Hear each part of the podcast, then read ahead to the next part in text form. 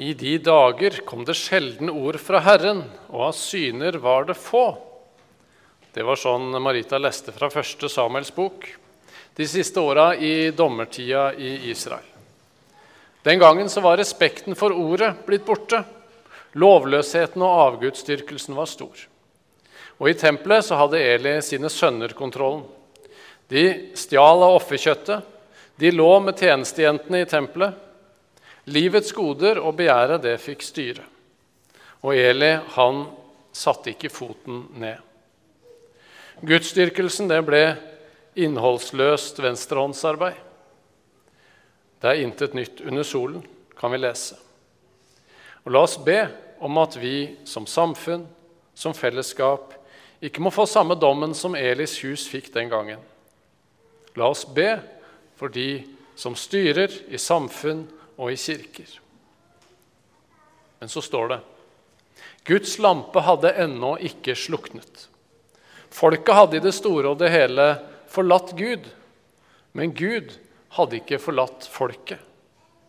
Gud har fortsatt ikke forlatt sitt folk. Ikke sitt Israels folk, ikke sine hedningefolk, ikke oss her i Norge. Gud roper fortsatt på sine. Gud roper på Samuel. Til slutt så svarer gutten med de rette orda. Tal, Herre, din tjener hører. Må det være vårt svar i dag, når Herren selv taler til oss i evangelieteksten. Tal, Herre, din tjener hører. Vi reiser oss og leser evangeliet fra Lukas 9 i Jesu navn. Mens de gikk der på veien, var det en som sa til ham, 'Jeg vil følge deg hvor enn du går.' Jesus svarte, 'Revene har hi, og himlenes fugler har rede, men menneskesønnen har ikke noe han kan hvile hodet på.' Han sa til en annen, 'Følg meg.' Men mannen svarte, 'Herre, la meg først få gå hjem og begrave min far.' Da sa Jesus til ham, 'La de døde begrave de døde.' Men gå du av sted og forkynn Guds rike. Det var også en annen som sa, 'Jeg vil følge deg, Herre, men la meg først få si farvel til dem der hjemme.' Men Jesus svarte, 'Ingen som har lagt hånden på plogen og så ser seg tilbake, er skikket for Guds rike.' Hellige Far, ditt ord er sannhet. Hellige oss i sannheten. Amen.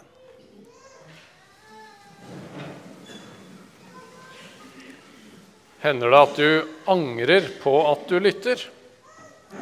Man kan jo ikke uhøre noe man har hørt. Og noen ganger hører man ting som forplikter. Det er fristende å lukke ørene sine, og noen ganger er det fristende å bare ikke ta risikoen på å høre. Bibelselskapet har gitt denne teksten, denne bolken, den treffende overskriften 'Jesus krever alt'. Kjære Jesus, kan du ikke gi oss noe oppnåelig, da? Kan vi tenke. Kan du ikke gi oss en tekst som kan bli en fin og grei preken, hvor vi kan lande trygt og godt og kjenne at her er vi på rett spor, dere? Samuel han fikk høre de orda som du nå får, skal ringe i ørene på Israels folk. Det gjør i sannhet disse orda fra Jesus også. Ringer i ørene som en vekkerklokke. Og la oss ikke trykke på slumreknappen som jeg liker best om morgenen. La oss møte ordet, hver og en av oss, med Samuels hjerte. Din tjener hører. Vi kjenner ikke disse tre som Jesus møter i dagens tekst. Men de virker å være en del av flokken rundt Jesus. De er med Jesus på veien. En del av det vi i dag kanskje vil kalle menigheten. De siste par ukene har jeg lest gjennom Bo Gjerts sitt mesterverk 'Steingrunnen'. Mange av dere kjenner den godt. Min favorittbok nest etter Bibelen. Det er et mesterverk. Og jeg vil ta dere med inn i en del som handler om det å bli kristen og leve som kristen, og som har gitt boka sin navn, 'Steingrunnen'. Og så blir det vårt perspektiv inn i møtet med Jesu ord i dag. Situasjonen i boka er denne her. Det er mange i bygda som har vært med på en vekkelse tidligere. Det har vært nye impulser, nye bevegelser har kommet, nye åndsretninger. Men nå har vekkelsens vind liksom slokna litt hos mange. Forbedringene de uteblir. Noen ivrer for å frigjøre seg helt fra lov og fra Bibelen, men bare følge åndens impulser. Det dras i det hele tatt i mange retninger. Og uenighet og krangling og synd det kommer igjen til overflata etter å ha vært ja, det har vært god stemning ganske lenge, men nå begynner det å komme til overflata igjen. Og så står den gamle, erfarne sognepresten fra nabobygda nå på prekestolen og skal forsøke å få dette på rett spor igjen. Og han maler ut de sentrale ting i kraftfulle bilder. Som uovervendt er du på vei med strømmen utfor stupet. Fossen er der nede. Du har stø kurs mot fortapelsen. Men Jesus han kaster deg en livline, og du griper den begjærlig. Med glede, eller kanskje mest av desperasjon for noen. Så haler Jesus deg inn igjen. Opp av vannet, inn på ordets trygge grunn. Bønn, Bibel, kirkefellesskap, nattvær. Og du kjenner med glede hvordan evangeliet setter deg fri fra synder. Det blir et før og et etter. I starten så kan kampen mot synd være en glede, særlig om man kommer fra et ytre sett ugudelig liv. Det er som en selveier som har fått seg en ny eiendom, skal rydde mark rundt eget hus. Motivasjon den er på topp. Spaden synger ivrig når steinene fjernes fra jorda. Noen ting er lette å legge vekk. De ytre tinga, språket, de åpenbart ugudelige vanene. Det er som en glede å lempe disse syndesteinene vekk. Men når du arbeider i ditt hjertets åker, så finner du det bedrøvelige. Jo lenger ned du kommer, jo mer stein er det.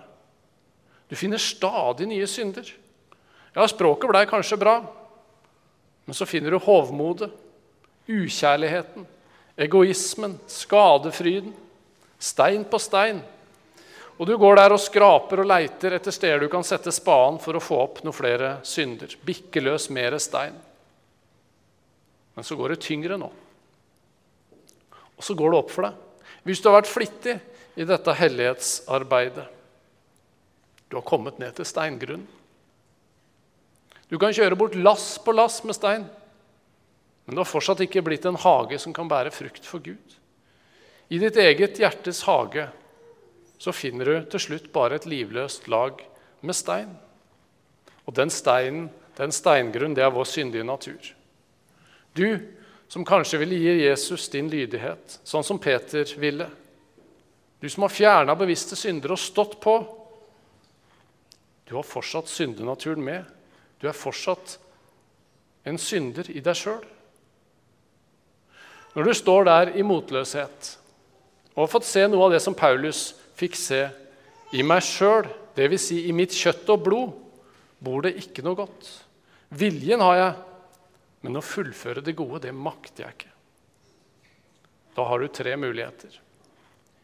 Du kan gå bort i vantro og fortvilelse, sånn som Judas gjorde. Det leder til døden. Du kan gjøre som fariseerne. Plukke vekk de synlige steinene, de folk kan se. Bli ærlig og flittig og edruelig. Gi store bidrag til misjon og ivre i Guds rikes arbeid. Og så kan du plante noen blomster som lukter godt, og si deg inderlig fornøyd med innsatsen. Det får være bra nok. Men på dommens dag så er de blomstene visna. Steingrunnen ligger der bar. Vi har juksa med målestokken. Det er som historien om byggmesteren som målte opp tverrbjelken han måtte ha til det nye huset sitt. Så gikk han opp ut i skogen. Så fant han ingen trær som var lange nok. Så klippet han av et par meter av målebåndet isteden, så han kunne finne en som passa. At vi har juksa med Guds målestokk, det vet vi på to måter. Enten at vi anser at våre liv og våre gjerninger er bra nok for Gud. Vi blir tilfredse med vårt ytre kristenliv. Det er jo bedre enn naboen. Og vi lar det være vår sikre grunn. Den andre måten vi kan vite det på, er at Vi kaller det rett, det som Bibelen kaller urett, og vice versa.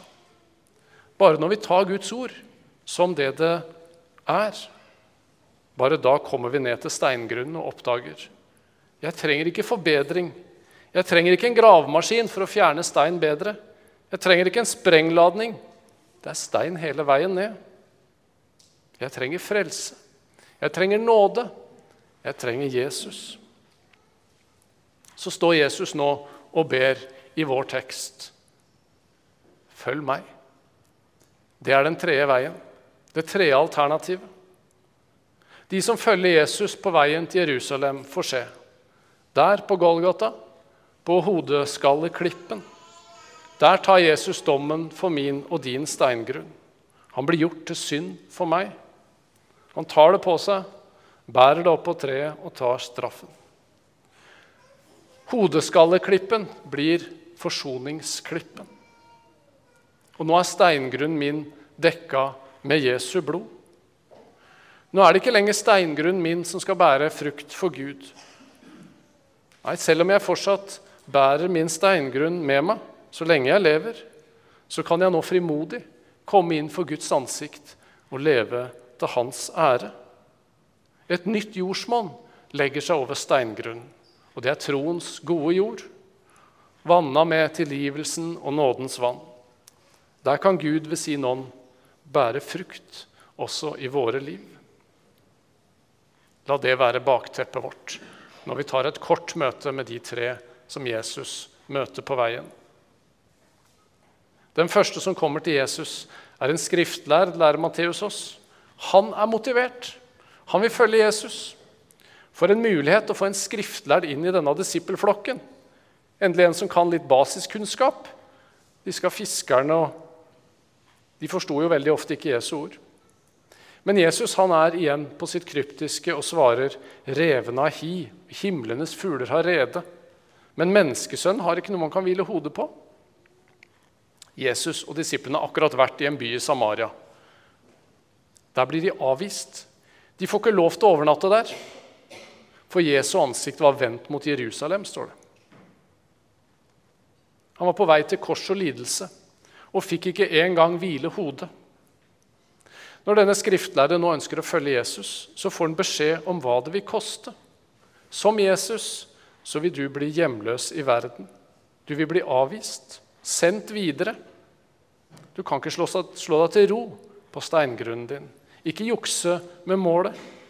Er du villig til å gi slipp og følge Jesus til Jerusalem? Jesus kaller den andre. Følg meg. Men mannen svarte som rimelig var. La meg først få gå hjem og begrave min far.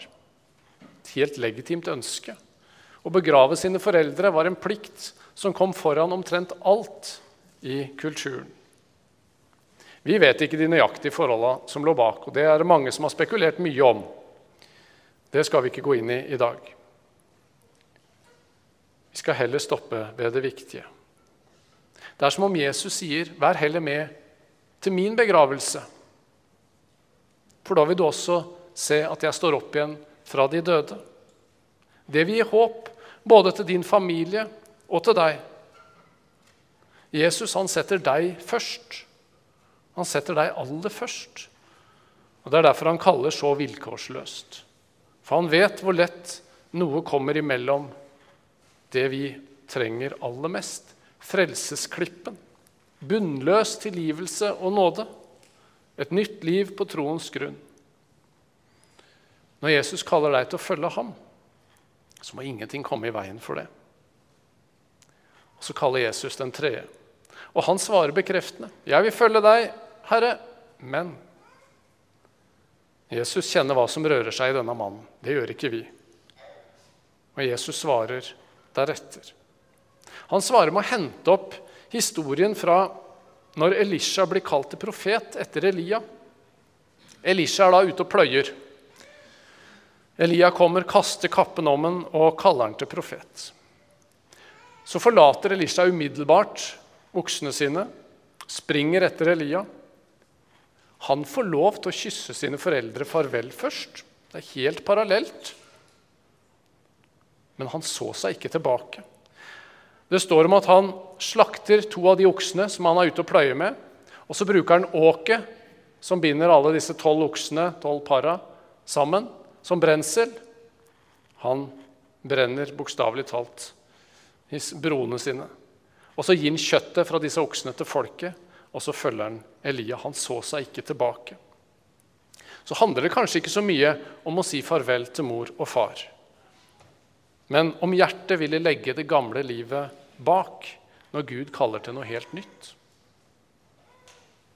Hva så med oss? Ingenting må skille oss fra Jesus, fra Golgata, som har blitt vår frelsesklippe. Vi har jo en naturlig hang til å være kristne på egne premisser. Til å tilpasse etterfølgelsen på en måte som passer med våre mål og kanskje våre avguder noen ganger.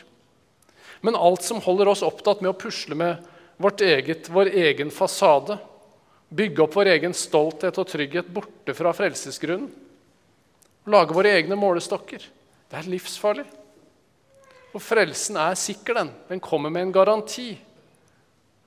Men bare i Jesus. Bare i ham. Jesus ber oss følge ham til Golgata, for der er seieren vunnet. Å være lydig mot Jesus det er å gå tilbake til korset og frelsesklippen. Hver dag, gang på gang. Huske på, leve i. Det var for deg. Han gjorde det for deg. Det gjelder for deg. Jesus gir oss alt det som Gud krever av oss. Det vi forgjeves leter etter i vår egen åker. Og disse gavene de rekkes oss i ordet, i dåpen, i nattverden og i dag i skriftemålet. Han reiser oss opp til å leve for ham på troens trygge grunn. Da kan det vokse fram de frukter som ikke før kunne gro, til ære og pris for vår frelser og til glede for vår neste.